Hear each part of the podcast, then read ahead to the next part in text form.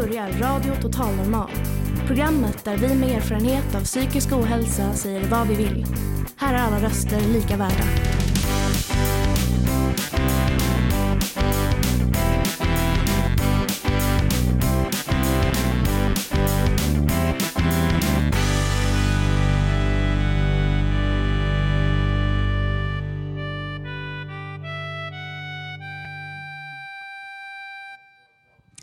Hej och hjärtligt välkomna till Radio Total Normal, ditt psyke i etern.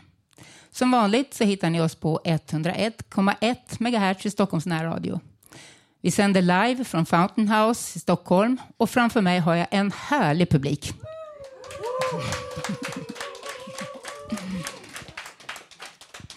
Ja. Idag ska vi tala lite grann om hur det är att komma ut med psykisk ohälsa.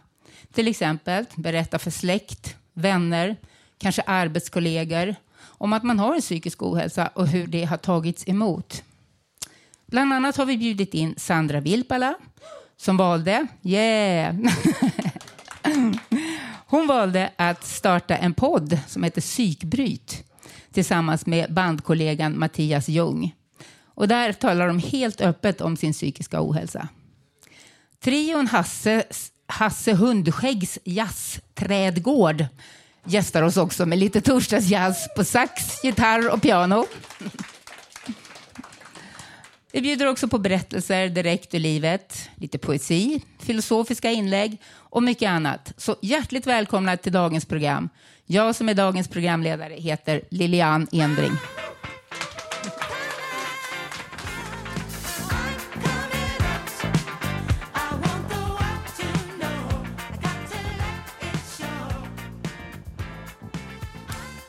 Ja, det vi hörde där, det var Diana Ross med Coming Out. Det är lite det vi ska prata om idag, om att komma ut. Eh, nu har vi bjudit in någon, några som heter, eller kallar sig, ska man väl säga, Hasse Hundskäggs jazzträdgård. Eh, inte helt lätt. Ja. Ja, egentligen är det Hasse Hundskägg och hans jazzträdgård. Är det så? Ja, Det är väldigt okej. viktigt, jag bara skojar. Okej, Själva ja. kallas vi bara för, för Hasse Hundskägg alltså. Men, Okej. men alltså, Kan jag, få veta lite grann hur det där namnet kom till? Det är Ja, lite spännande. Det, det är så att en gammal kompis till mig och Lars som tyvärr dog för tre år sedan i Malmö, Thomas, han kom på det här namnet för ja, 1989 om någon levde av er här då. Men, men i alla fall, och då tänkte jag att det vore kul med det namnet. För vi har kallat oss, La- vi har kallat oss, och vi kan inte prata, vi har kallat oss för Lars och Mattias va? Innan Mats kom med. Och då tänkte jag, vi kan inte det heta... var inte riktigt lika coolt. Nej, men vi kan inte, inte heta, alltså jag tänkte liksom LMM, Lars Mattias Mats, det låter inget bra. Då kom jag på Mm. detta. Och då sa eh, Lars på telefon, ja för att hedra Thomas va? Mhm. Men han var ju en historia för sig, men det kan vi... tar vi en annan gång kanske. ja. Men nu ska vi i alla fall få höra era ekvilibristiska äventyr här på, på musikinstrument. ja, det, man, det är jag på piano, Mattias Enberg, Lars Ydgren på saxofon och Mats Burman på gitarr. Okej. Och eh, det är en låt som jag har skrivit som heter Mot himmelen. Mm. Låt höra. Tack.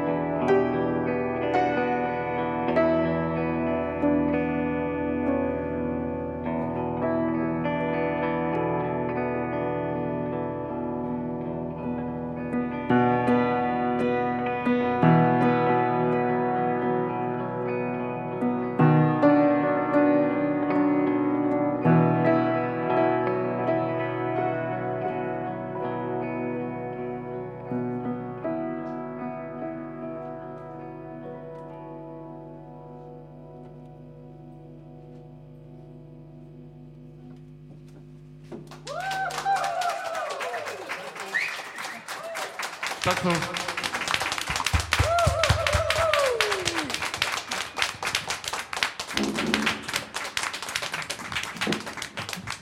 Fantastiskt. Tack så hemskt mycket. Hasse Hundskägg och Jazzträdgård. Jazzträdgården. jag vet inte om jag fick det rätt, men någonting sånt. Tack så mycket.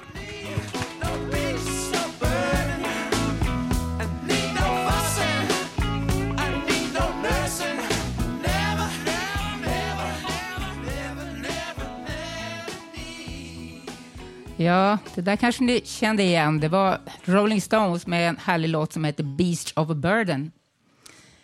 Eh, nu har vi fått upp på scenen här två stycken eh, personer. som Den ena heter Sandra Vilpala. Ja, hej och välkommen! Hej, tack. Och du ska bli intervjuad av vår producent Malin Jakobsson. Ska vi få höra. Varsågoda. Måste jag bara ha ljud här. Jag brukar inte annars, nu är våran, vi hade lite sjukdomsfall här så nu fick jag hoppa in och jag brukar inte göra intervjuer så ofta så här blir väldigt spännande. Hur ska det gå Malin? Hur ska det gå? Hur ska det gå? Ja. Oj, oj, oj. Vi får hoppas att det går bra. Jo, vi löser ja, vi det. Löser det, det vi löser det. Och jag hoppas att ni är snälla i publiken här. Så att det, ja. Men du har alltså, du har varit med här ett par gånger förut. Du är musiker så du har sjungit många fina låtar för oss här. Och sen var du med under Pride ett år när du som 38-åring kom ut som lesbisk. ja, ja, jag var väl med för att jag skrev, jag, skrev, jag släppte en platta på temat att komma ut. Eller jag, jag, skrev om mina upplevelser och så, eh, och så handlar liksom eh, skivan om det och därför pratar jag om det. Jag, jag kom liksom inte bara hit och sa hej, jag är lesbisk och tänkte att det vill jag komma och säga i radio bara så. Utan eh, så var det ju. Som sagt, jag är ja. inte så bra på att intervjua. Jag var journalist för länge sedan. ja, men sen så har du då också kommit ut med psykisk ohälsa och därför är du här idag. Ja, eller jag ser det kanske inte så, men, men det, det kanske är så det resultatet är ja, på du, något vis. Jag tänkte du valde lite annorlunda eller ett speciellt sätt att hantera att komma ut med psykisk ohälsa. Du ja. startade nämligen en podcast med en bandkollega där ni öppet pratar om er egen psykisk ohälsa om jag förstår det rätt. Ja, precis. Vi har en podd som heter eh, Psykbryt och eh, ja, vi, vi pratar om våra egna erfarenheter av psykisk ohälsa. Jag fick min diagnos som bipolär för två år sedan, tror jag att det var. Så eh, sent i livet. Eh, så, så, men vi startade podden innan dess. Eh, Hur kom ni på idén att ni skulle starta den? Ja, du. Det var nog Mattias som hade tänkt på det här i några år eh, och tyckte, eh, tänkte länge på vem skulle han kunna starta upp den här podden med eh, och var ute och cykla i tankarna där och kom inte på mig liksom. Som eh, typ eh, skulle kunna tänkas vara självklar. Eh, en av hans bästa vänner och vi pratar alltid om eh, psykisk ohälsa i stort sett. Så det, det, vi gjorde var att plocka fram några mickar ungefär och, och, och pratade så som vi, som vi, vi gör liksom. Men hur kändes det då? Så jag tänkte om man sitter och pratar så där kan det väl lätt att man, det känns som att man sitter i vardagsrummet och ingen hör och så sen ska det helt plötsligt ut. Hur kändes ja. det? Jo, ja, ska jag vara ärlig så har jag inte tänkt så mycket på det. det. Det är ju som du säger lätt hänt att man sitter där, mickarna glömmer man lite bort, sitter och snicksnackar, men vi kan ju liksom klippa bort. Men vi, vi, vi har bort nästan ingenting. För vi tänker så här att vi, vi kör ocensurerat, ofiltrerat liksom.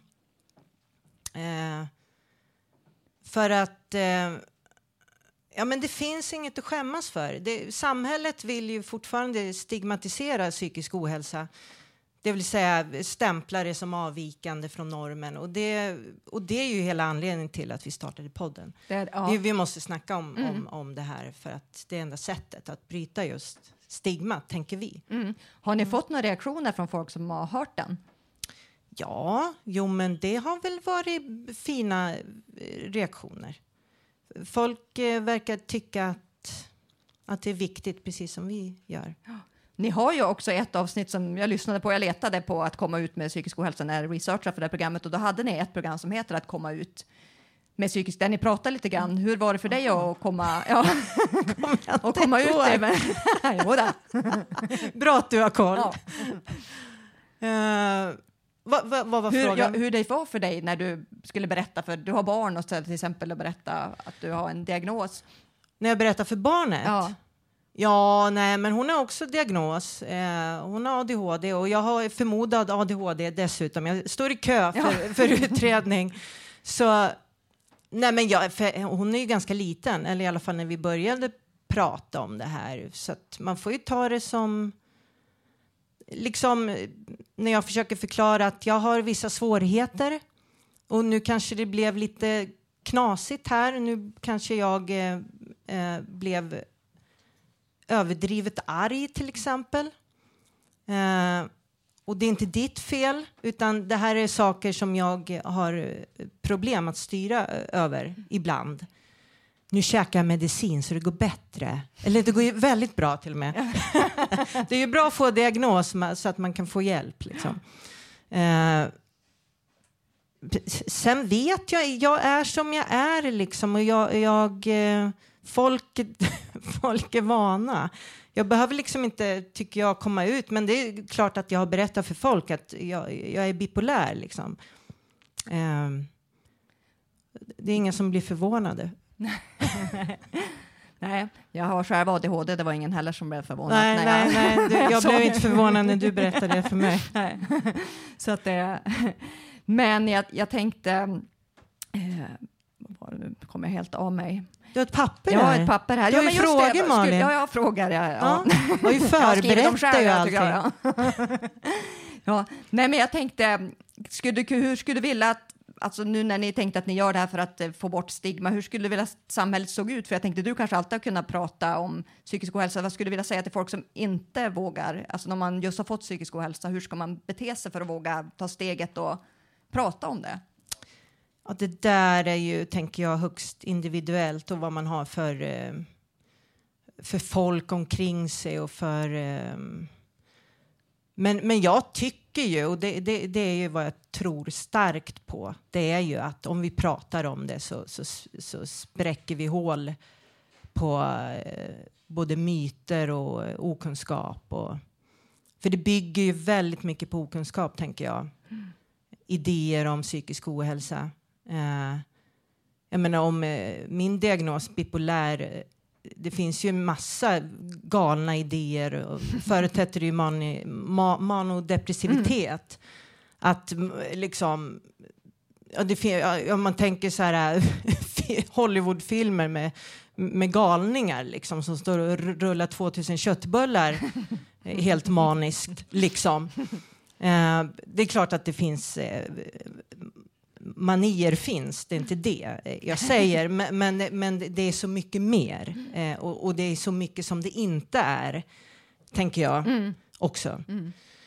Så att eh, den som känner att de vill prata om det, det är ingen som är, är tvungen, självklart inte. Det där känner man ju efter själv. Men, men jag tror att man, man bidrar till det positiva om man eh, vågar prata om det. Eh, f- Jo, för så brukar det ofta vara om någon börjar prata om att ja, men jag mår lite, och jag har lite ångest, och kan helt plötsligt så börjar någon annan som att en liten blomma kommer upp. Ja, men jag kände också samma sak och Ja. helt plötsligt har man ett samtal, Ja, vilket är väldigt fint. Så att, eh, och skönt. ja, verkligen, för det öppnar ju, då kan alla vara mer emot för att man bär upp en roll, kanske annars att man ska vara så trevlig, då kan man ja, mer vara sig själv.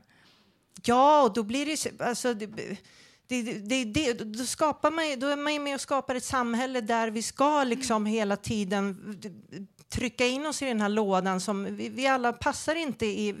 Vi är i olika former liksom. Vi, det funkar inte så. Nej. Världen ser inte ut så liksom.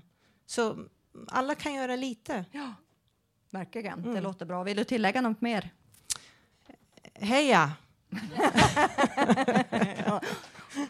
Och nu ska vi få höra faktiskt en, en låt som du har skrivit själv som heter Tårar i luften. Vill du säga någonting om den innan vi kör igång den? Ja, just det. Det- Den, det, det var ett tag sedan jag skrev den, men den, då mådde jag riktigt kass kan jag säga när jag skrev den. Då var jag lite ute och cykla i, i, i in the darkness eh, och kom till ett väldigt fel eh, vad ska man säga, fel slutsats. Men det blev en sjukt bra låt. Ni får höra nu. Mm. Tusen tack.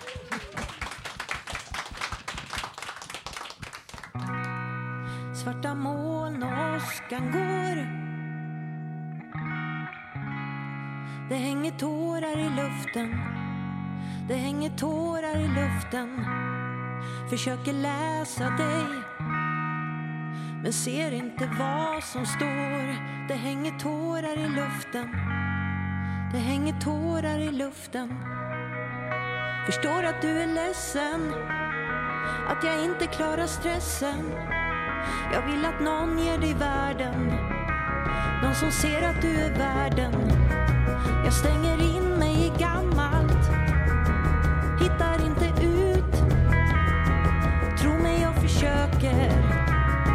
jag kan, jag är faktiskt helt slut.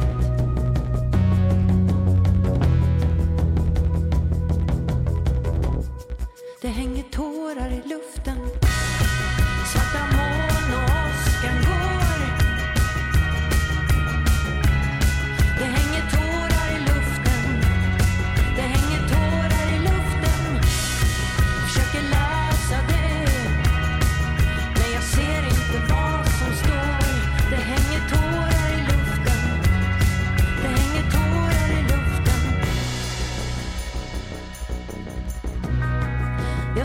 Till psykologen.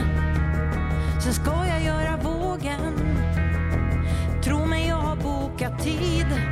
High five och faktiskt big deal. När jag rotat i det gamla och hittat vägen ut ska jag ge henne världen. För jag vet att hon är värden Det är inte du, det är jag. Det är inte du, det är jag inte du, det är jag.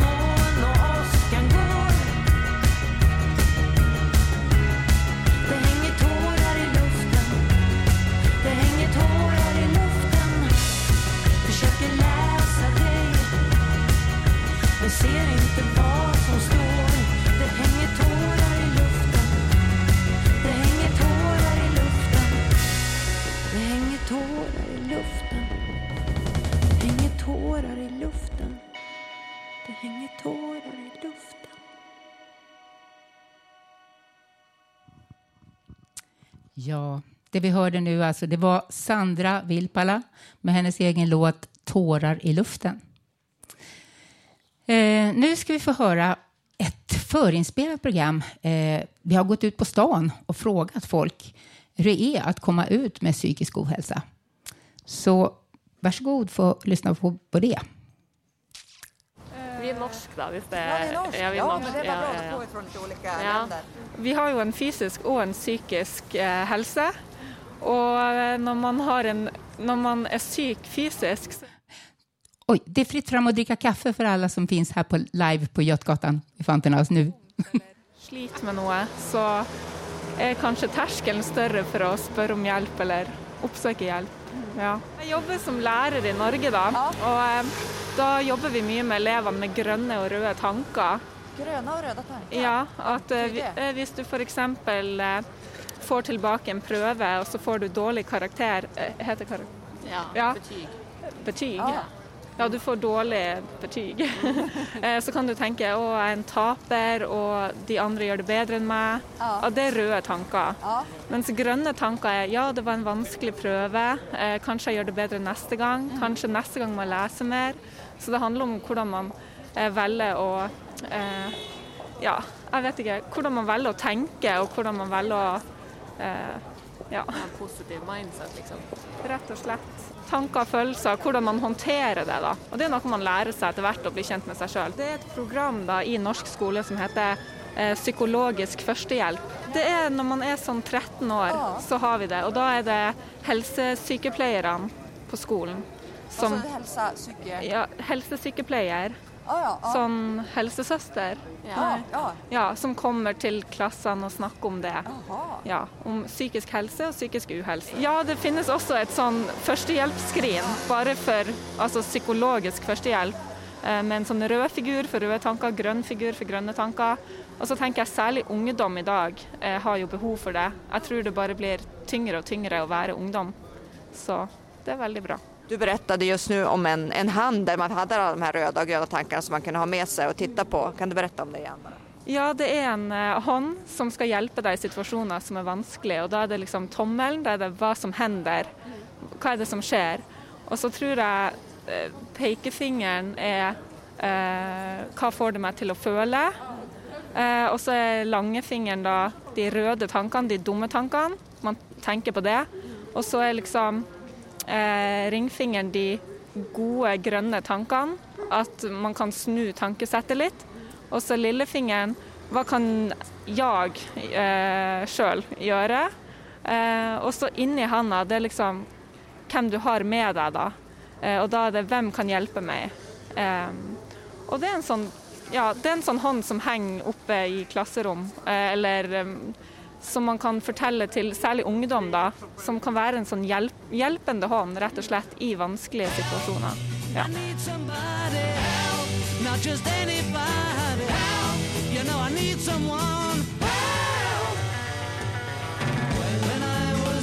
So much younger than today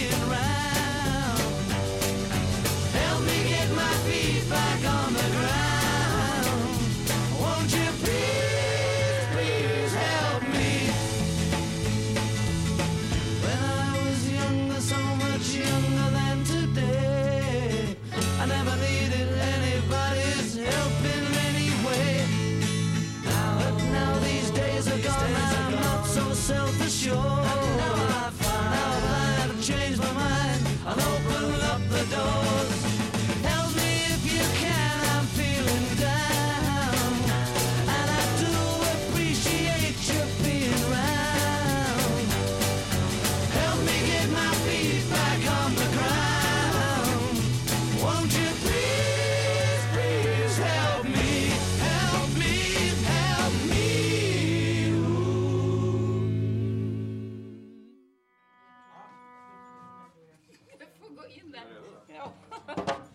Sådär. Det, jag håller på att rodda här på scenen. Det är lite trångt.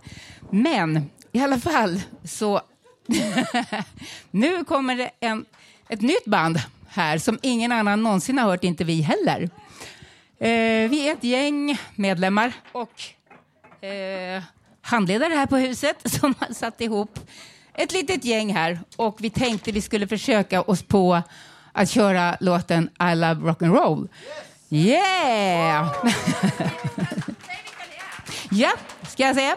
På sång framför allt, eh, initiativtagaren till det här, säger Elinor.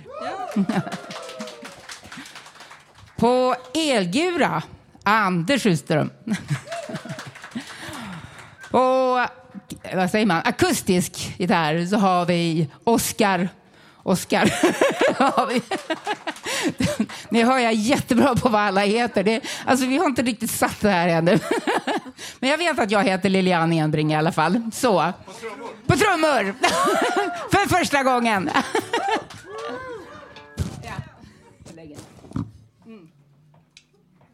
En, två, tre, fyra.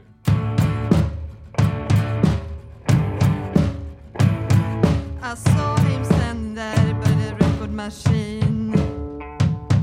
I knew he must have been about 17. The beat was going strong.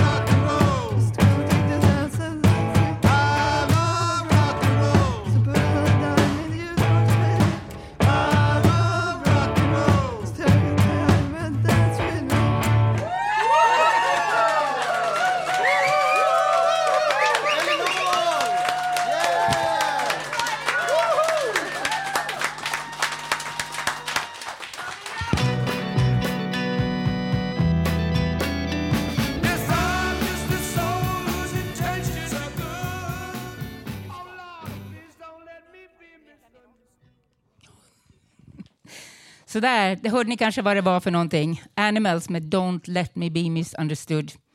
Det är ju lätt hänt med våra diagnoser. så jag hoppas att det går bättre här nu då.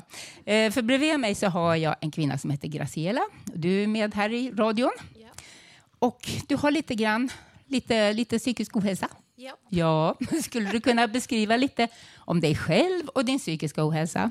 Eh, ja, jag heter Graciella, är 48 år och eh, jag har... eh, Jag tror läkarna har svårt att bestämma sig om jag är bipolär eller ADHD. De hållit på fram och tillbaka typ i tio år. Eh, ja, i- I tio år var jag bipolär. Och Okej. sen helt plötsligt var jag ADHD. Och nu vet de inte om jag både har båda, både och. Mm. Så det har varit svårt med medicinering. Ja, jag förstår. Eh, jag fick äta först bipolär och väldigt starka mediciner. Och som verkade inte hjälpa för att Nej. det verkar som att jag också har ADHD. Så det är svårt när man har, man kan ju ha, man kan ju ha olika diagnoser. Och då är det svårt att få riktiga hjälp. Ja, det är klart, de här medicinerna kanske jobbar olika Precis, och precis. jobbar mot varandra till och med och Precis. sådana där saker. Och Tänker jag. så, när jag fick de här medicinerna så blev jag väldigt sjuk och då började jag självmedicinera med alkohol. Mm. Eh, och då blev jag ännu sjukare och då hamnade jag på behandlingshem. Okej. Eh, när om man säger, bröt din psykiska ohälsa ut? Om du skulle kunna sätta någon tid på det? Alltså, förr hette det ju manodepressiv. Ja. Och jag har nog varit manodepressiv hela mitt liv. Fast det var så svårt att förstå att jag hade någon psykisk ohälsa. För att jag växte upp i en väldigt tufft förhållande. Alltså när jag var liten. Och sen så träffade jag en man som jag levde ihop med i 17 år. Det var väldigt destruktivt och misshandel och så. Och då visste jag inte om det var det som var att jag mådde dåligt. Nej. Eller om det var att det var att jag hade en diagnos. Men när jag väl blev väldigt sjuk. Det var då när jag valde att lämna mannen Okej. efter 17 år Ja. och tre barn. 17 år och tre barn. Ja. Ja, Okej, det var tufft förstår jag. Eh, var det då du kom på behandlingshem eller hade du varit på behandlingshem Nej, innan? jag- eller nej, vad fick jag- du för jag- hjälp? Liksom? Jag blev dålig. ja. eh, och, och det var eh, innan? När Eh, jag separerade blev jag sämre och sämre. Ja. Men jag, eh, och, och jag gick till kurator och så. Men, och de ville hjälpa mig och de sa att jag hade någon. Men jag vågade inte. Jag vågade inte, jag vågade inte acceptera det. För att jag var så rädd att mitt ex skulle få reda på att jag hade psykisk ohälsa så att han kunde använda det emot mig på grund av alla de här att vi som har diagnoser, vi ljuger och vi gör si och vi, vi har så mycket fördomar och myter och så. så att, eh, absolut, det, det kan jag tog- förstå. Det var nog en befogad rädsla också. Precis, tills när jag blev så sjuk, där kroppen började reagera, där jag började bli sjuk, att jag fick utslag och blev bara sämre och sämre och sämre. Och då, det var väl 2014, Mm. då fick jag diagnos bipolär. Men då höll jag det hemligt. Okej. Och då började jag dricka. Och när jag började dricka alkohol, då kunde jag inte hålla det hemligt för jag var ju tvungen att lämna bort barnen när jag Mm. var, bodde på behandlingshemmen. Så det var 2016 där jag kom ut med det. Okej. Och var det efter behandlingshemmet då? Eh, Precis, för ja. jag fick så himla... Jag träffade kvinnor av, all, av olika som har haft olika uppväxt, och olika beroende, och olika... Och, då, och vi fick hjälp. Och där Ni kände, fick det? Vad Ja. roligt att höra. Mm. Väldigt. Och där kände jag så här, precis som kvinnan innan som pratade om Mm. bipolär, att jag är den jag är. Jag tänker inte skämmas. Mm. Och ja, jag har ju mött motgångar. Fast jag står upp Ja. och jag skäms inte över att jag har psykisk ohälsa. Härligt. Och jag vill förmedla så att fler ska våga vara öppna och komma ut. Mm. För vi har ingenting att skämmas över. Hur har det varit för dig då att komma ut efter behandlingen och berätta för mina barn, anhöriga, kanske på jobbet eller någonting sånt där? Vad har du mött för reaktioner och hur har det känts för dig att, att komma ut? För mina barn var ju inte så stora, eller tio år, åtta och så var det sex. Jag eh, bjöd in dem en helg till behandlingshemmen. Så då för att de skulle se att vi är vanliga människor med problem. Eh, och när de kom dit, för det var viktigast för mig, det var mina barn. Att de inte skulle bli utsatta för någonting, alltså att någon mobbning eller att någon skulle säga någonting för att deras mamma var sjuk. Och då kom jag ihåg att mina barn sa, men det är vanliga människor. Ja, vad härligt. ja, Eh, och sen, det. Precis, och sen, sen så kom jag ut med det. Och jag är väldigt öppen i sociala medier med min psykiska ohälsa för att hjälpa andra. Och jag har fått jättemycket att folk har skrivit till mig privat och tagit Ja men gud, jag känner igen mig. Jag kanske ska ringa till och söka hjälp och så. För jag vill att... Ja, om desto mer vi pratar om det, desto mer kommer det att bli normalare. Alltså, eller normala, eller accepterat. Ja, det tror jag också. Och vi inte behöver gömma oss eller skämmas Nej, över. den där skammen, den, den Skammen, gör precis, ofta att det inte vågar komma det ut. har jag ju också haft tills Mm, jag kände jag. jag är den jag är. Ja. Eh, hur har du det idag? Jag kämpar med min psykiska ohälsa. Jag har precis börjat igen med bipolär medicin. Mm. För ibland får jag för mig att jag inte behöver det. Men, ja. och så. Klassiskt. Men, precis. Men att, att man känner nu klarar jag det här själv. Och så går man in i väggen och så bara oj, jag kanske behöver det. Och Ja. Jag har börjat för två månader sedan igen och jag känner att det känns bra. Och, ja, det, är- ja, och, och det känns bra att vara här och det känns bra att vara med människor likasinnade som man brukar säga. Mm. Det gör att man blir starkare. Jättefint. Tack snälla du för att du Ja. ville dela med dig av det här. Tack så Graciela, mycket. tack så mycket. Jättebra.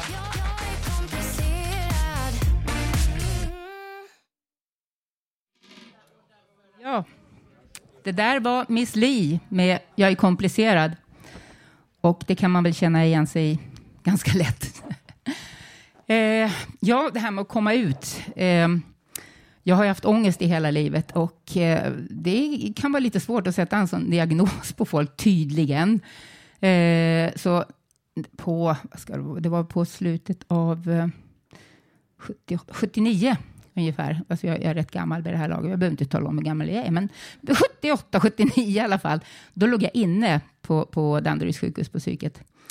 Och eh, de hade väldigt svårt att få, få till någon diagnos och en medicinering och det stämde inte alls. Så hade vi ju ett dagrum där vi brukade sitta och, och röka, spela kort och, och snacka. Det var ju liksom det man gjorde hela dagarna. Eh, och då hade de, personalen precis haft ett möte och när de kommer ut så kommer de ut i det här dagrummet där vi sitter och garvar och har superkul. Och så kommer min, min stackars kontaktperson fram till mig och säger så här, men snälla Lilian, sluta skratta. Vi har precis bestämt att du är deprimerad.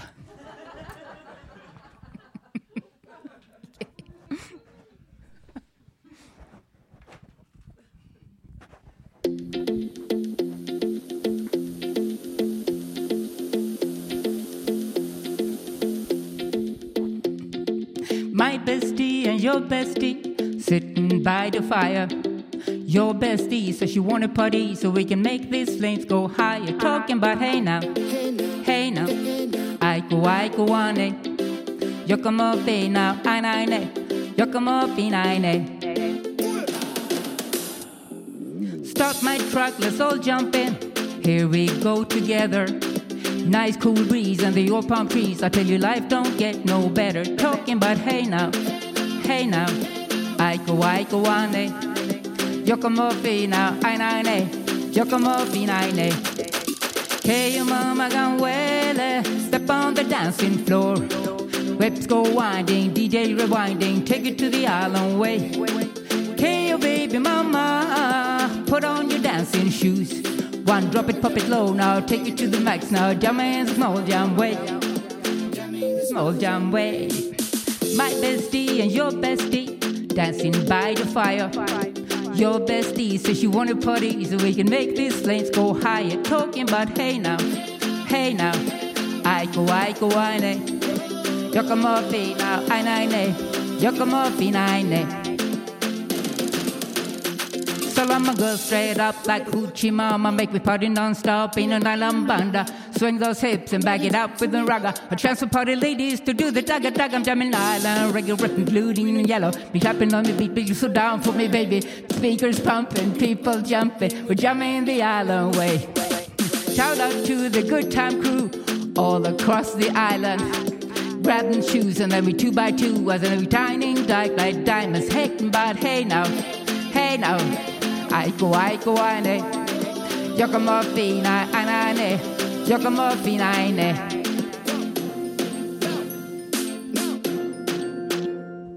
One up, go down, one up, go down. Twist your body backwards. They go left, left, they go right, right. Turn it around and forward. One up, go down, one up, go down. Twist your body backwards. We go left, left, we go right, right. Turn it around and forward. My bestie and your bestie dancing by the fire. Your bestie says she wanna party so we can make these flames go high. Talking about hey now, hey now. I go, I go, I day. Jag kommer upp i now, I nej nej. Jag kommer upp i nej nej. Jag kommer upp i nej nej. Jag kommer upp i nej nej. Jag kommer upp i nej nej. underjordisk gång som lär börja i vår anarkistiska salong. Men vart den skulle leda har vi ingen uppgift på. Ja, vart det där skulle leda, det får ni gå in på Youtube eller något liknande och ta reda på. Eh, för det var i alla fall Kjell Höglund som eh, körde en låt som heter Tekniska röntgencentralen. Nu så har jag fått en gäst här på scenen. Hon heter Nicky. Hej. Hej. Hej. Du är också medlem i radion. Mm. Och eh, jag vet att du har en podd där du har kommit ut Mm. med din psykiska ohälsa. Precis. Ja. ja. Eh, det är en inspelning som är på engelska som Mm. vi kommer att få höra så småningom. Men vill du berätta lite mer om den? Ja, jag kan läsa upp lite berättelser här.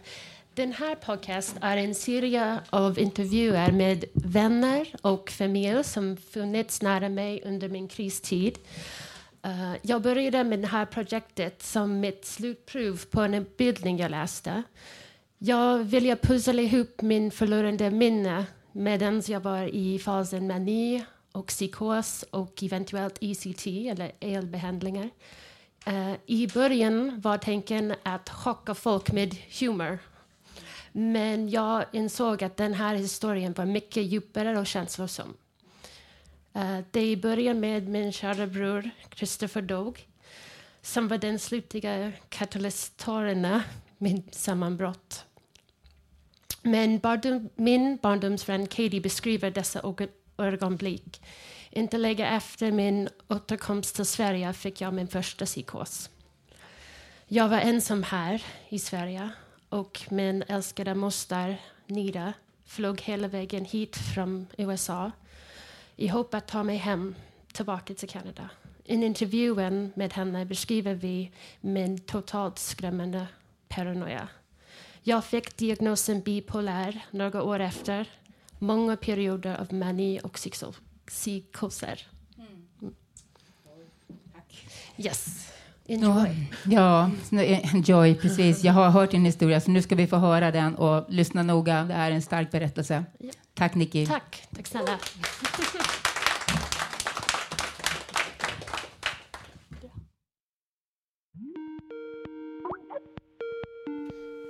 The phone rang. No caller ID. They somehow found me. They somehow found my number.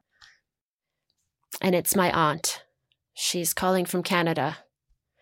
And she tells me to sit down. Of course, my first reaction is to stand up. I'm on the metro and I need to escape. I needed to get out. Uh, it's my brother. He was killed. And I needed to go home. I think when everyone really, really broke down, you seeing your sister for the very first time since obviously you heard the news. I just wanted to get there. I wanted to see my brother one last time. I wanted to remember him.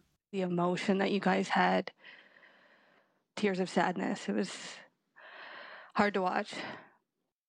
I had just, I had just left my mind uh, completely. People had to tell you you were hungry or you need to eat. Just seemed like you were just operating, but you weren't fully there. I wasn't there. I was like a shell. And that's when the rage starts to sink in. What What do you mean? Like, what was he doing there at night? And do they have all the information? Like, did you talk to the police? Did, who did you interview? Did you talk to their friends? Like, My mind is racing. I'm drawing every conclusion. I just feel like I'm slipping away. My mind began to play tricks on me. oh my god, I'm scared, Nikki. Me too. That what? means I was talking to someone on the flight. Can you please confirm this for me? No, I was Nikki, swear to God.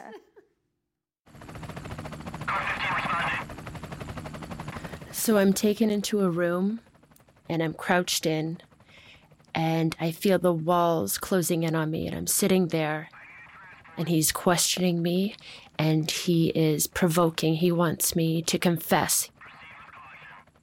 On the bed beside me, there are restraints to hold me in, to hold me down. Um, when I walked in and you were kind of crouched on the bed in the corner of the room, I was shocked. I could hear the police storming into the room, coming up the stairwell, and the walls are pressing me. And I hear the sirens, I hear the helicopters, and the mobs are starting. They're outside. And I refuse. I'm shaking my head. I'm not going to say a word. I am not going to confess. I think you were just so paranoid that they were trying to hurt you and that they weren't really talking to me or that they weren't they weren't telling you the truth. And that's when things start getting weird. I can look at a newspaper and I can see that the headlines are changing. My name is on the headline now. You know, convicted, caught, guilty. I can see it right there, and they're setting me up. They're trying to frame me. Then to actually see someone you love in that situation and struggling.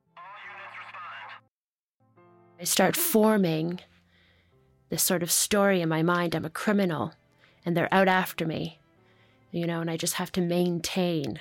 I'm on to them. I know what's up. When there's nothing left to burn, you have to set yourself on fire. And it was like you could see these thoughts running through your face or like the expressions in your face. It was like almost, are you really here? And then it was almost like, it is them, so then I must be okay.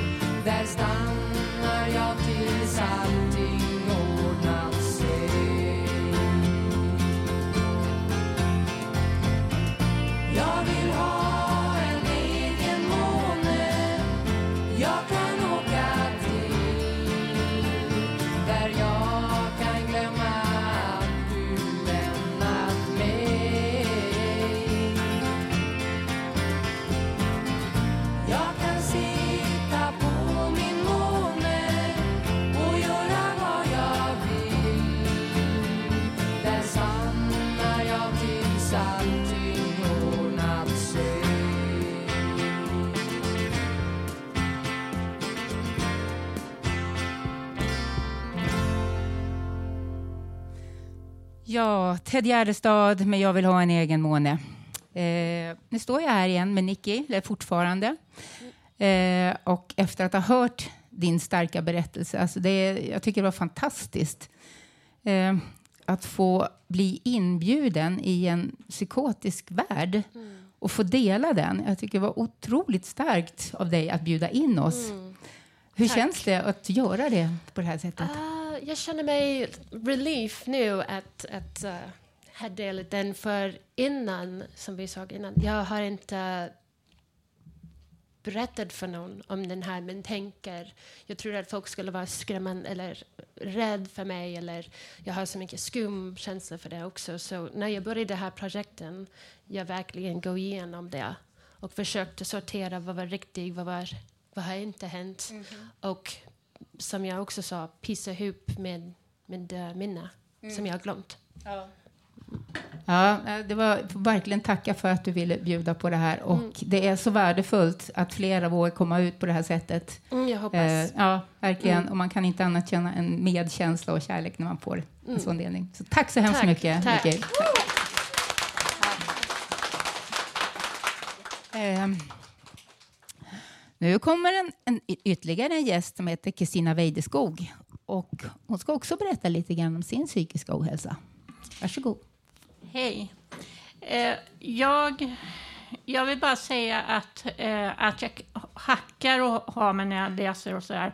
Det beror inte på min diagnos, utan det beror på att jag är helt enkelt ovan att läsa manus som jag skrivit själv inför publik. Eh, jag tycker att mitt, mitt inslag handlar om liksom vardagliga eh, händelser i livet som kan få en att kanske känna sig osäker och sådana grejer. Jag har en rest av en diagnos. Den innebär att förut hade jag ett förvrängd verklighetsuppfattning. Nu har jag fortfarande en medicin, men är väldigt frisk. Min medicin är för att jag ska komma tillbaka till det stadium som jag, eh, inte ska komma tillbaka till det stadium som jag var innan. Jag vet inte hur jag mådde. Men jag vet att jag mötte en bil i 110 på motorvägen och att det sa krasch. Jag blev konstig i huvudet. Började vila om händelser. Jag trodde att orsaken till att folk mådde dåligt var att jag hade träffat en doktor som vet lite om hur samhället mår. Och jag hade inte gjort som han sagt. Doktorn sa emellertid om, något om att, att jag inte kan förstöra ett samhälle. För jag ska helt enkelt inte befinna mig på en sån plats som, eh, att mitt beteende kan förstöra ett helt samhälle. Jag kom till skolan efter att ha gått igenom ett, ett stadium från sexåring till elvaåring. Mina kompisar var i tonårsstadiet och jag var de- de var väldigt intresserade av det motsatta könet. Jag så undrade varför. Jag stod vid väggen med en paviljong och undrade vad jag ska göra för att någon skulle fråga om jag ville vara med och leka. Mina kompisar hoppade twist och, och hopprep.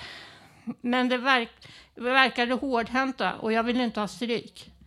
De sa inget, de, de var inga dumskallar och råkade, råkar man tänka fel eller inte visste något fungerade så var det där och klankade. Man skulle vara säker. Till slut kom det, några och frågade om jag ville vara med. Det gick bra. Vi bestämde oss för att bilda ett gäng och göra som andra ungdomar var, gör. Vi gick på disco och konserter och lekte i parkleken. Spelade pingis och så vidare. Kanske kände jag mig lite tom i huvudet, men jag hängde på. Egentligen var jag bara trött. 14-åringar ska sova mycket, sa doktorn. I synnerhet om det är i puberteten.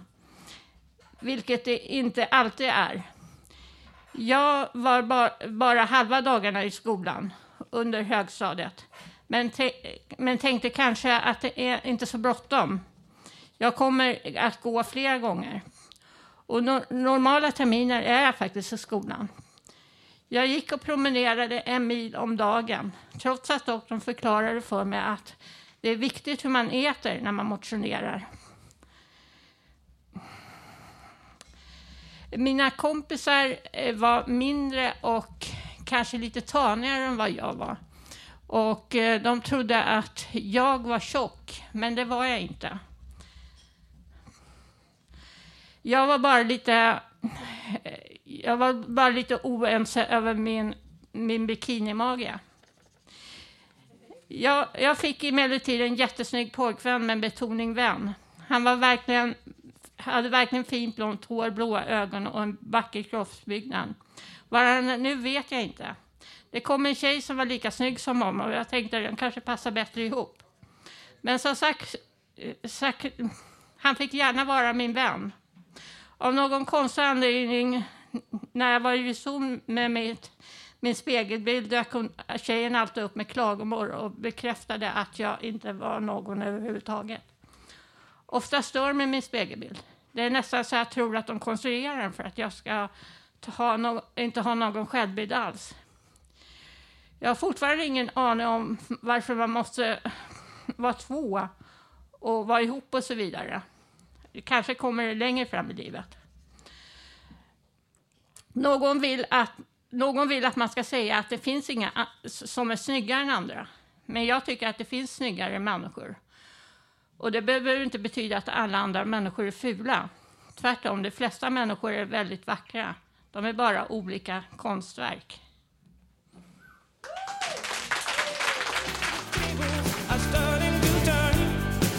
are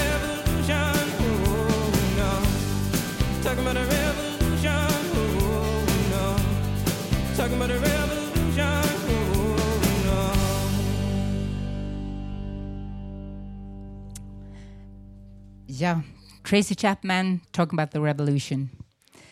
Eh, nu- med mig på scenen nu så har jag Felix. Och han ska berätta lite grann om Sunrise-programmet som han har deltagit i. Varsågod. Sunrise. Jag är fem år gammal, går på dagis. Har väldiga problem med att vara på dagis. Jag har inte fått min diagnos ännu, men alla vet att jag har en autism. Min mamma såg en dokumentär på tv om Sunrise-programmet. En amerikansk föräldrabaserad metod för att hjälpa sitt autistiska barn. Vi satte igång med Sunrise hemma. När en familj gör Sunrise-programmet bildar man en grupp av intresserade människor som ska vara tillgängliga för det autistiska barnet hela tiden. Mättade med en till en kontakt på barnets villkor. Så att det autistiska barnet, i det här fallet jag, ska ha roligt och upptäcka kommunikation med andra människor.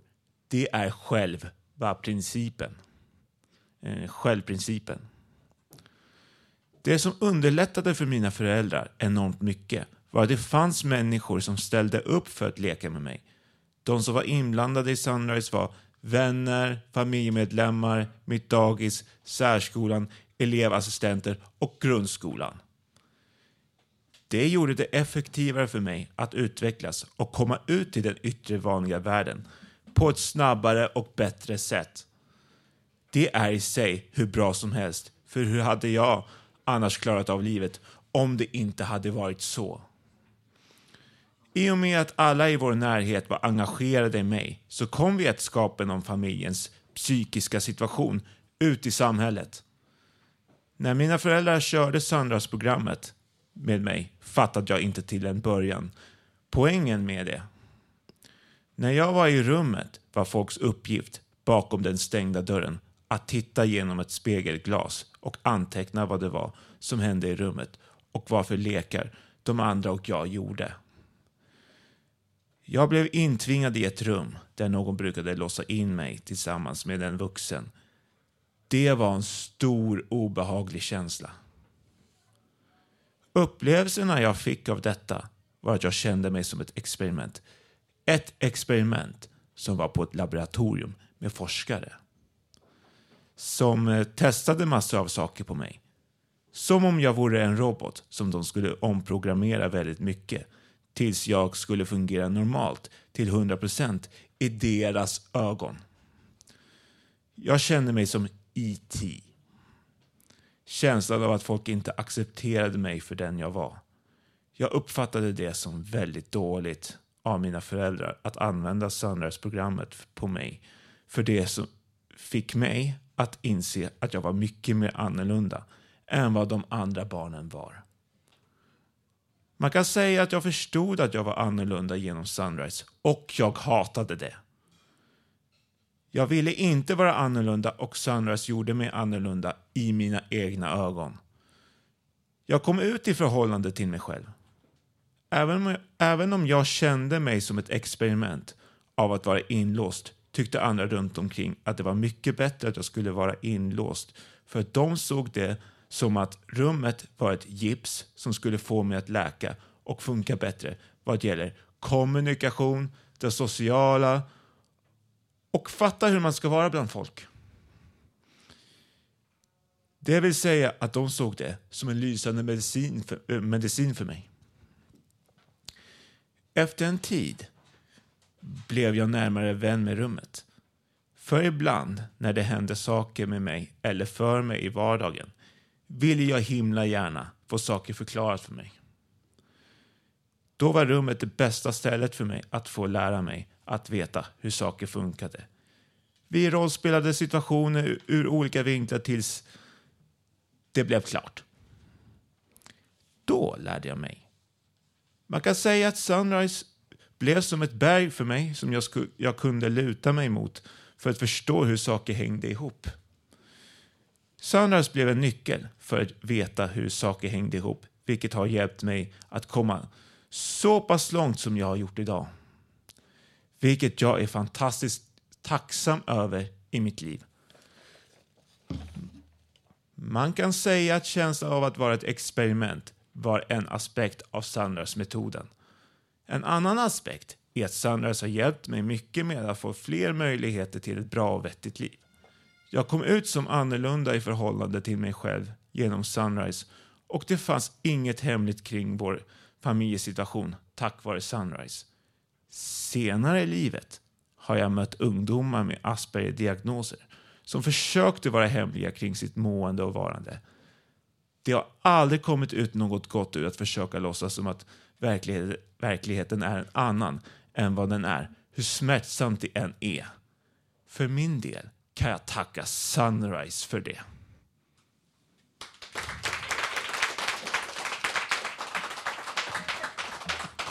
Tack så hemskt mycket Felix. Tack, det var jättefint. Ska vi få en låt till.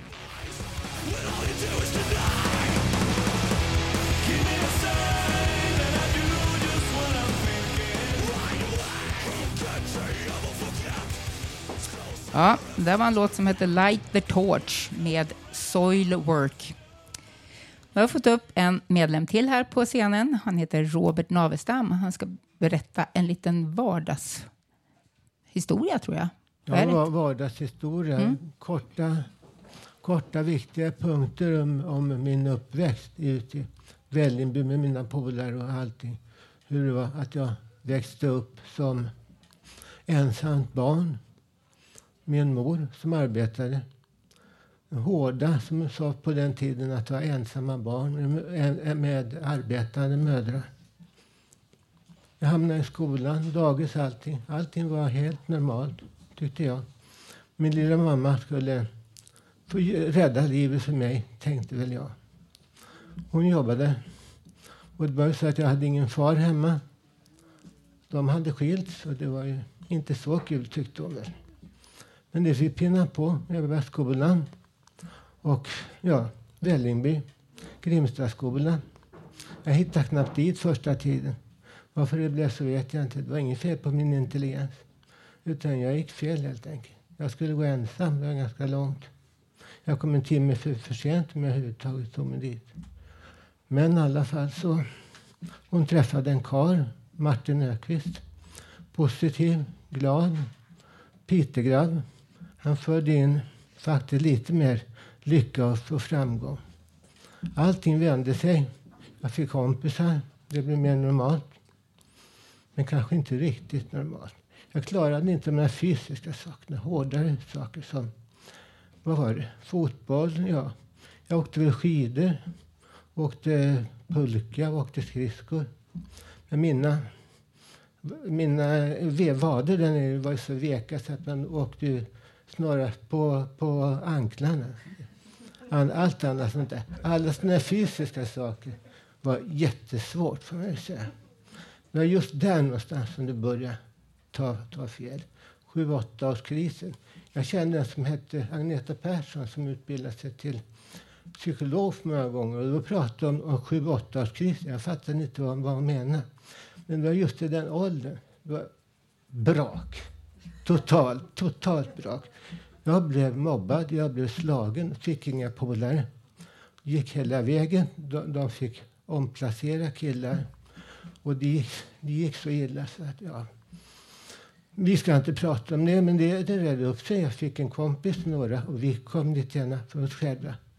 Så att vi var inte med på fotboll. När de andra lekte på gården så var det tre killar som var lite mer intellektuella som stod och gjorde andra saker. Och det fick fortsätta sen. Och jag klarade av hela skolan helt normalt allting. Lite bättre betyg än många andra. Och min kompis hade någon tiondel mindre. Han är advokat idag och har det bra. Han hade lite mer familj. Han hade släkt i Uppsala. Han mådde väl bättre. Jag pratar med honom ibland. Jag hade andra kompisar. Jag hamnade i en grupp som betyder mycket för mig. Och grupper är faktiskt det bästa, för där kan man lära sig kommunicera och, och ja, leva, prata lite om sina problem. Men man måste nog vara lite modig faktiskt. Man måste våga säga att du är annorlunda. Du har någonting, även om man... Jag hade ju inga... Jag, jag ser att jag skakar hela kroppen, men jag vet inte vad det beror på. Utan jag var annorlunda. Men det redde upp det. jag fick ett jobb. Och efter 13 år där så blev jag avskedad på grund av att de visste inte vad de skulle ha mig. Jag åkte ut. Hade kunnat klara det. Jag hade flyttat till Blackeberg ifrån Husby av egen kraft. Egen förmåga, egen kraft. Det var nog så. Annars så är det, ja, kanske avrunda lite. Ja, bra. Oh, tack så mycket.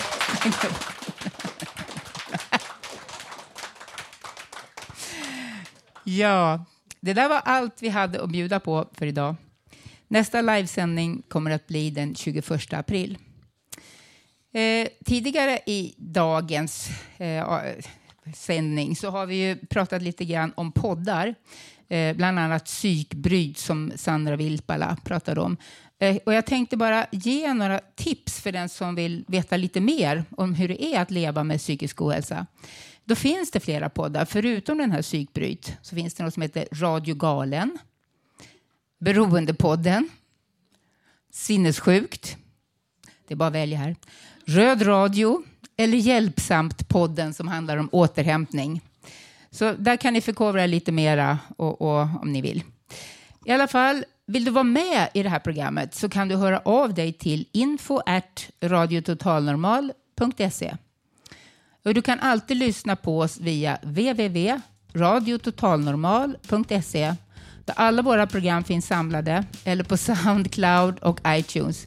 Du hittar oss på Facebook, Twitter och Instagram. Radio Total Normal drivs av stiftelsen Fanzingo med stöd från Socialstyrelsen, Fountain House Stockholm och ABF. Tekniker var Johan Hörnqvist.